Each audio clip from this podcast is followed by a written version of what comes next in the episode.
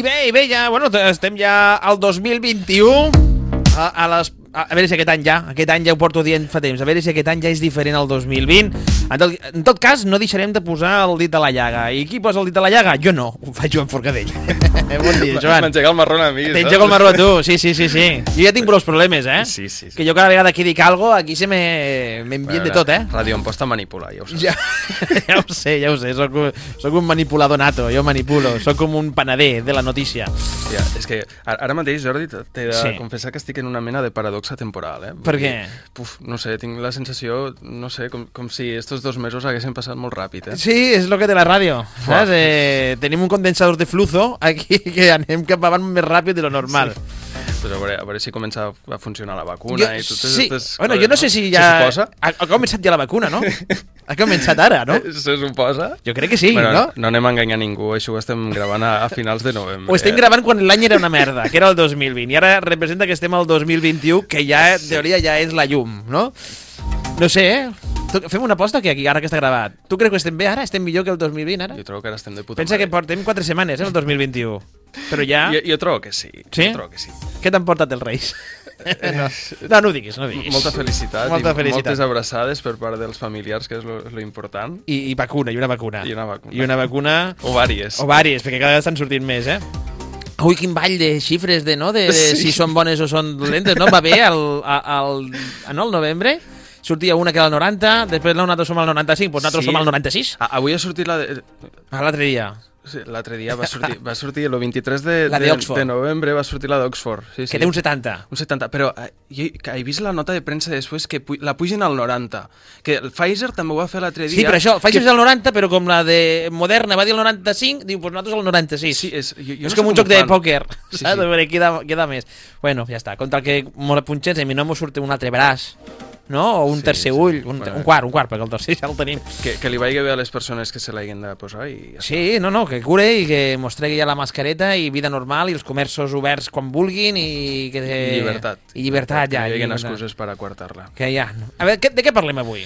Pues bueno, eh, te'n recordes, no?, que l'any passat havien posat l'odit a la llaga? Pues, pues, eh, enguany toca ja no posar l'odit a la llaga, a, a, a, enguany toca posar el braç sencer, hasta el fons. Vinga, el 2021. Sí, perquè bueno, avui, el tema d'avui afecta dir directament a una part importantíssima de la, de la població. Ah, ja.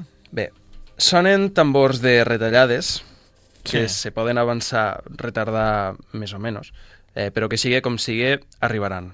Si ho fan abans, eh, serà en menys suavitat, però mos anirà tots millor. Com més tard mos arriben, pitjor per a l'interès general. Això està demostrat. Eh, parlem d'un país en un dèficit monstruós i històric, projectat per a superar el 12% del PIB, i que caldrà veure com s'ajusta perquè tot sembla indicar que serà inclús major. Som també un país formalment en fallida, en un deute que supera el 113% i en un sistema de pensions en bancarrota en un dèficit estructural que s'ha disparat fins al 5% del sistema de pensions, parlo ara.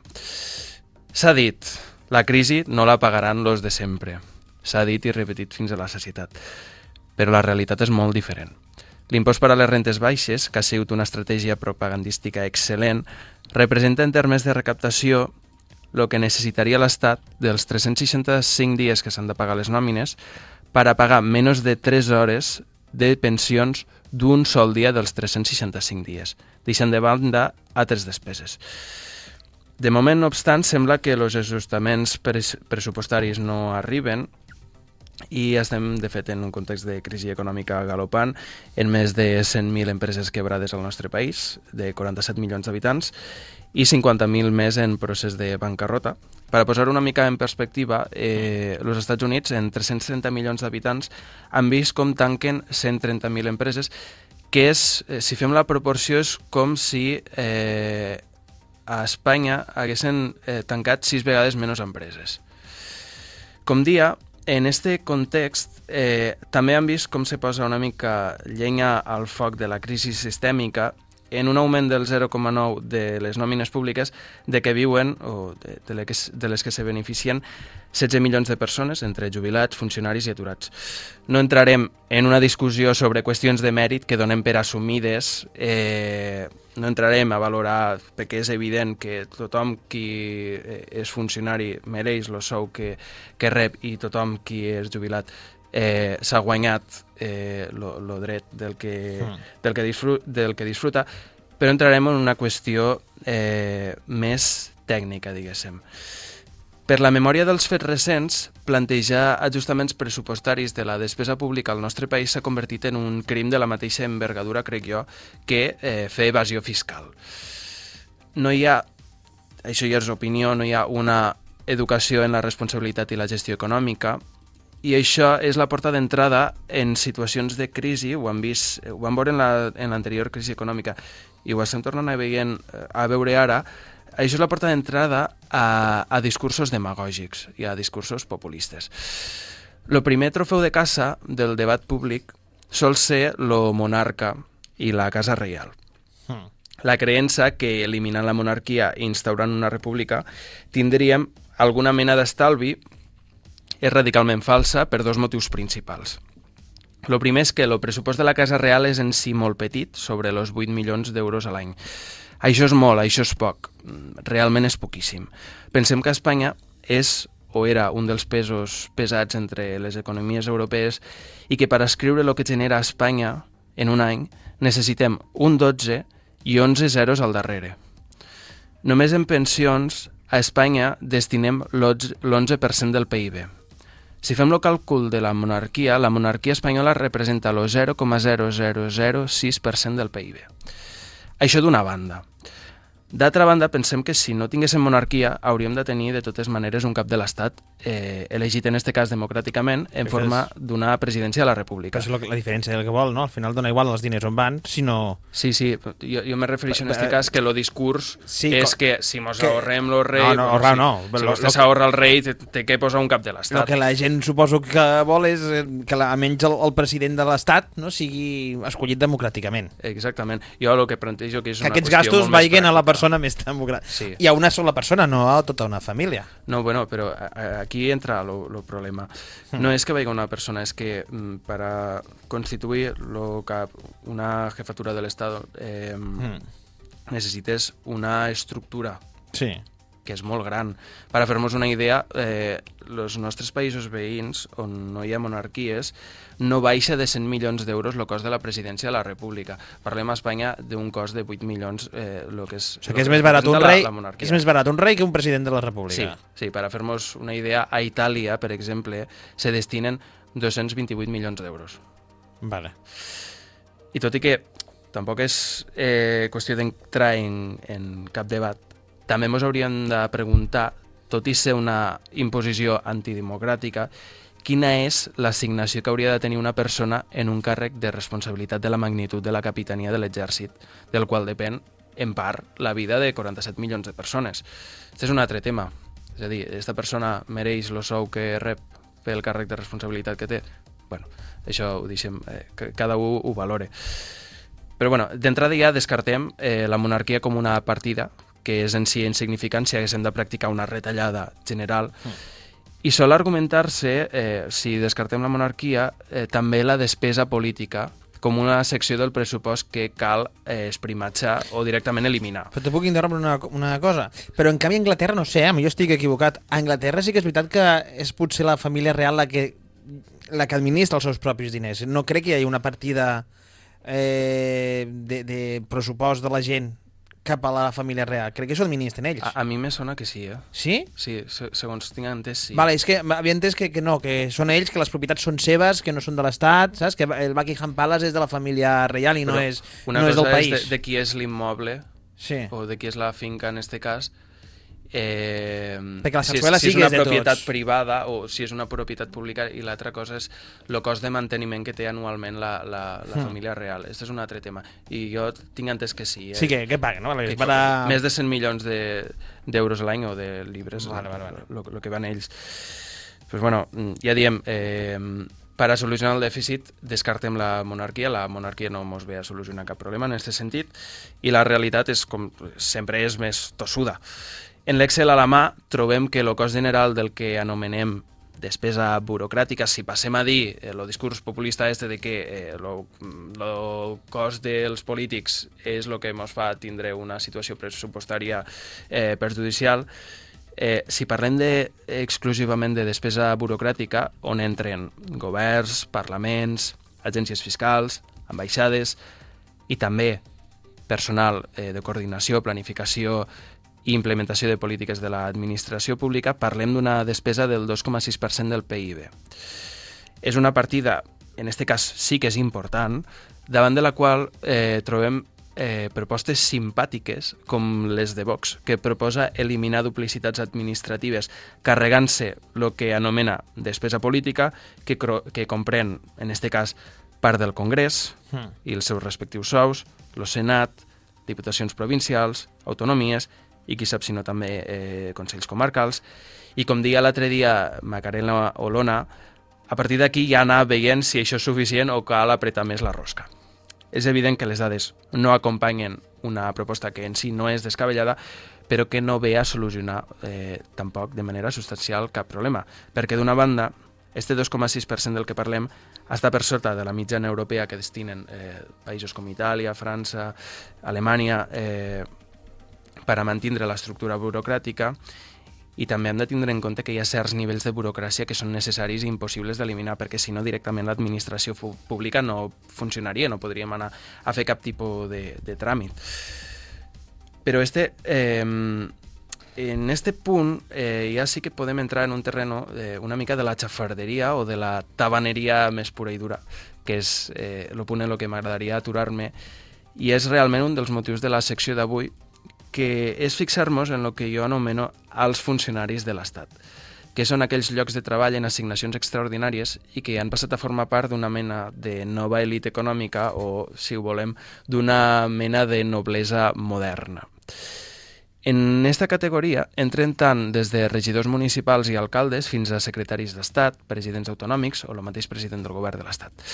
Llanço la dada perquè potser és la que més te sorprendrà, Jordi, que és que hi ha 150 alts càrrecs públics a Espanya que cobren més que Pedro Sánchez. Sí, no, sí, de fet jo sé que el és un dels presidents que menys cobra. Sí, sí, sí.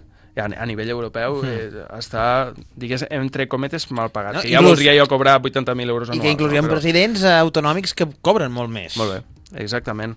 Eh, si anem al president de la Generalitat, per, per exemple, eh, Quim Torra s'enduia 150.000 euros a l'any davant dels 80.000 de, de Pedro Sánchez. Clar, però el Pedro Sánchez està repartit entre els impostos de, no, de, de tota Espanya sí.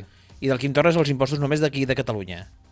Sí, bueno, però si, si hi ha un dèficit a Catalunya se, se restaura en diners de, de, de la resta de l'Estat. Vale. Eh? Vull dir, vale. al final acaba pagant tothom. Vale, o sigui, que un andalús pot dir eh, que els meus impostos estic pagant el sou de Quim Torra. Sí, sí, sí. que, que també te dic jo que a 150.000 euros a l'any no m'estranya que no se decidís mai a implementar la República Catalana. Eh? Ja, ja, ja, també t'ho diré, jo, jo tampoc la voldria implementar. Eh? Clar, clar, si m'estan pagant este pedazo sou, no? Tots els de fora. Bueno, eh, parlant d'esta sèrie de càrrecs, a continuació ne, ne nombraré uns quants, mm. la majoria dels quals són càrrecs polítics o nomenats a dit, però també en la direcció d'empreses que encara són públiques i que, per tant, cobren un sou a càrrec de tots i cadascun dels que paguem impostos. Tenim, per exemple, el president del CEPI, que és la Societat Estatal de Participaciones Industriales, que cobra 220.000 euros a l'any. Mm la Meritxell Batet, que és la presidenta del Congrés de Diputats, i la Pilar Llop, que és la presidenta del, del Senat. Les dos cobren eh, 204.000 euros a l'any, per exemple. Sí. Un secretari d'Estat de Comunicació cobra també més que el president del govern, s'endú 130.000 euros a l'any. Els càrrecs que estan dins del Consell de Seguretat Nuclear cobren també sobre els 100.000 euros a l'any. El director del BOE, del famós BOE, sí. cobra uns 105.000 euros a l'any. Ara te, te, te llançaré una dada que potser te sorprendrà. El president de loteries cobra 214.000 euros a l'any. Ah, déu nhi El president de Correus, 191.000. pues es puede espabilar para que arriben las cosas més pronto, no? Si... El president d'AENA, 170.000 euros a l'any. Els directors generals de mútues són dels càrrecs que més eh, assignació reben. Hi ha moltíssims directors generals de mútues a Espanya, cobren entre els 180.000 i els 220.000 euros a l'any. Uh -huh. El president del Tribunal Constitucional d'Espanya cobra 160.000 euros a l'any. Lo del Tribunal Suprem i lo del Consell General del Poder Judicial cobren 140.000 euros a l'any. I bueno, recordem que els vocals o els membres d'estos òrgans també tenen una assignació. El Consell General del Poder Judicial, per exemple, té 20 vocals i cada un d'estos 20 vocals rep 120.000 euros anuals. I, per exemple, els magistrats del Tribunal Superior de Justícia vora els 116.000 euros a l'any. O sigui, són persones que quasi cobren més que el president del govern Més. i que tenen molta menys responsabilitat. Bueno, hasta cert punt, eh? Hasta cert punt. Si parlem, per exemple, de... de... Els de Correus? Quina Correus no, té? Correus no, i loteries està clar que no. Però si parlem, per exemple, dels càrrecs del Consell que el de president de la loteria, Nuclear... perdona, pel president de la loteria ja li ha tocat la loteria per ser el president. Sí, sí, sí, està clar. Està clar. No, si de fet, eh, cobra anualment el que seria la meitat de, de lo que te tocaria si te, si te toques la loteria, no? Són Imagina't, 400.000 euros. imagina't lo millor. I, i què, què fa un president de la loteria? Pues- Triar quin anunci i triar qui són els que cantaran no, perquè eh, després sempre hi ha polèmica, també s'ha de dir, eh? amb l'anunci. Sí, sí, sí. Ja, però, ostres. Bueno, a veure, hi ha càrrecs que jo entenc que sí que són eh, d'especial importància, per exemple, el president d'AENA o els del Consell Se- de Seguretat Nuclear. O sigui, jo, jo, jo Bueno, vull sa- que hi hagi gent molt preparada i que... Jo espero que siguin persones preparades Sí. amb el seu currículum per Sí. arribar en aquells... No, no, que no estaran posats a dins, això no se sap. I, i també los, los, jutge, los, diguem, los magistrats de, Mm. de, bueno, són persones amb moltíssima responsabilitat al Tribunal Constitucional, encara que després eh, bueno, facin... Pues estiguin triats que- com estiguin triats. Sí, sí, sí, després, bueno, podem discutir sobre separació de poders a, a l'Estat, no? Mm. Però al marge d'això, són càrrecs que jo, si, si entrem en, en el que és pura opinió, jo crec que eh, reben el que han de rebre. Ara, si parlem polítics, mm, bueno... Ja, ja, però bueno, però, tinc una opinió diferent. però igualment el que se porta les, les hòsties, mai millor dit, és el president. Sempre, sempre, sempre. No, que tothom diu, no, el que més cola tindria... No, és el que... Bueno, també hem de dir que el president té casa pagada, Clar, això està... té Sí. un Falcon, sí, sí, té un falcon i un matalàs. té... té Un tot matalàs bo, Dietes, desplaçaments... Bueno, bueno, bueno. No se pot queixar, eh? No, no, no, no, no, no que no es pot queixar. Pues ja Cap està, president crec que es pot queixar. Bueno, recordem que a Espanya també tenim una flota de, de eh, com era? 37.000 eh, cotxes oficials i que ara s'han renovat per a fer-los ecosostenibles i, uh. -huh. i havien d'estar. Bueno, bueno. Eh, po- podem, si, si mos posem a, a retallar en, en les estisores, eh, arribaríem lluny, no en les xifres que, que, que esperaríem, però, però sí que faríem cosetes. Bé, mm, suposo que estem a Ràdio Amposta i en un nivell municipal entenc que hi haurà molta gent que se preguntarà i què cobra l'alcalde d'Amposta, per exemple. No estic descobrint res perquè un dels compromisos d'Esquerra Republicana quan va entrar l'any 2015 a l'Ajuntament va ser impulsar el portal de transparència i és d'allí on trac les dades que podeu consultar de cada regidor i de cada càrrec i òrgan particular. I que ells ho han dit lliurement. aquí, a la ràdio també, eh? Sí, sí, sí. Li han dit el seu sou. No, no, no, no estic aquí fent revelació de, de secrets. Eh? L'assignació per a l'alcalde d'Amposta, per exemple, ronda els 47.000 euros anuals. Uh -huh. De fet, també podeu consultar eh, les seues declaracions de béns, tant de finques urbanes i rústiques, com també d'altres propietats com vehicles. L'altre dia estava xafardejant, vaig veure totes les propietats que tenia l'alcalde. Bueno, vaig passar un rato entretingut entre els cotxes, les, les motos també. Bueno, allí, allí està tot, eh, si voleu tafanejar. Eh, bueno, però potser això ja seria per la secció de la xafardeja, Sí. no? jo, mira. Té PlayStation? Sí, també? Té una PlayStation? No sé, te pregunto. Ah, no, no. No surt si té PlayStation. No, no. Vaig veure que tenia dos, dos, dos cotxes, trobo, i dos motos. Ah. Una Harley. Bueno, Ahà. ba bastant bonica, eh? L'he vist al Facebook. no, mi, no, no, no ho dic en ironia, eh? O sigui, No, no, no, que si li agraden les Harleys, que... Al eh, final és fruit del seu treball. Manel perquè- Ramon també té una Harley aquí. No, o una moto d'aquestes, que no sé de motos, eh? però motos de moteros, de- Sí, d'anar sí. d'anar con pantalones de cuero. Sí, De, de, de los, és eh, molt aficionat. Té un son, és un son of anarchy, Sí. no? Pues bueno, després de l'alcalde també en tenim assignacions quantioses, entre cometes, eh, de regidors que ronden els 30.000 euros anuals. I també tenim altres càrrecs en xifres importants, entre cometes, però que són càrrecs ja no electes. Eh, i això ja entra a valoració de cada un, el que considere eh, que se mereix rebre, però trobem, per exemple, que el cap de premsa i protocol eh, de l'Ajuntament d'Amposta, la CAP, en este cas, cobra sobre els 25.000 euros anuals, bueno, eh, o el coordinador, de, lo coordinador d'àrea de serveis del territori cobra sobre els 31.000 euros a l'any. I, bueno, i així passem a, a parlar de funcionaris mmm, de molt alta qualificació, podem trobar, per exemple, que un rector universitari cobra vora els 4.500 euros mensuals en 14 pagues com a mínim, això com a, com a sou base, uh -huh. un catedràtic, i això ja sí que varia una mica entre comunitats autònomes, però el mínim està en 3.000 euros, un general de divisió de l'exèrcit, per exemple, també cobra sobre els 3.000 euros mensuals com a mínim, i després, com sempre diem, en plusos, com desplaçaments, distància, dietes... Bueno. En definitiva, després de tot este viatge que han fet sobre càrrecs, eh, la, mano, la mala notícia que hem de donar és que eliminar la totalitat d'estos càrrecs no col·laboraria a solucionar ni una part infinitesimal del problema pressupostari del nostre país, que és immens.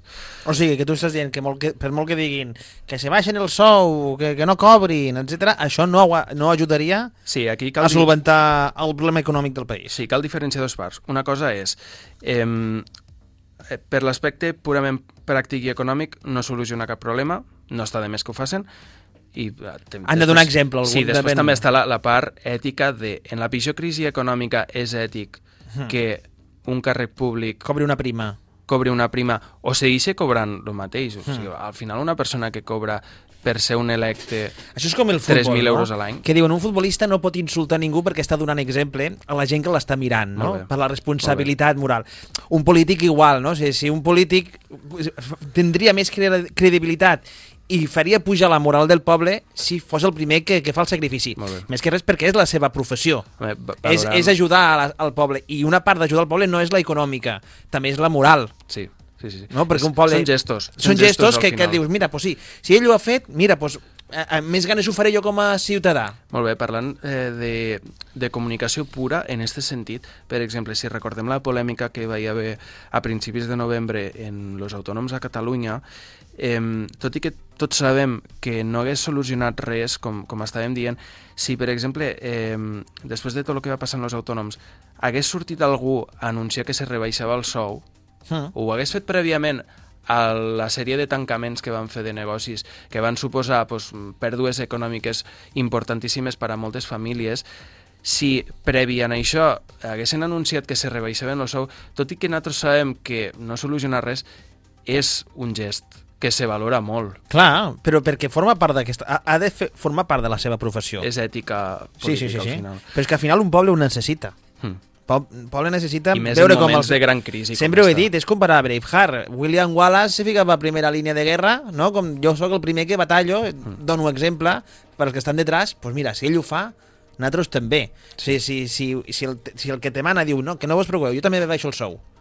Me sacrifico també, no me sacrifico, sinó vull donar una mostra de que jo també intentaré contribuir, com, com ens diuen a tots que hem de contribuir amb els nostres impostos, no? Però ells més per la part moral que els hi toca. Mm. Bueno, jo, jo vaig veure, crec que era Meritxell Budó que dia que, bueno, que això era demagogia, que sí... Clar, és que sempre hi haurà aquestes lluites. És que hi ha molts no. polítics que s'omplin la boca dient demagogia. Sí, sí, sí. Ets demagog, i ja està, i amb això ja anem a robar més, no? És així. Bueno, el que està clar és que les seves butxaques no se les rascaran. No, no. I no. que la crisi, diem al principi, la, la pagaran els de sempre, però està clar que la paguen els de sempre. Vull dir. Mm. Bueno, mm, ja sabem, les grans partides no són les que afecten a unes elites molt reduïdes, tot i que sí que és lícit el debat ètic en aquest sentit, però les grans partides recordem que van a nòmines públiques. Pensions, funcionaris, aturats, que cada cop, per desgràcia, són més, i recordem que això és molt important, que encara no s'ha jubilat la generació de pensionistes més voluminosa de la història d'Espanya, que és la del baby boom, i que la despesa en pensions cada vegada de manera natural s'anirà incrementant més i més. I ja és ara per ara, avui, insostenible.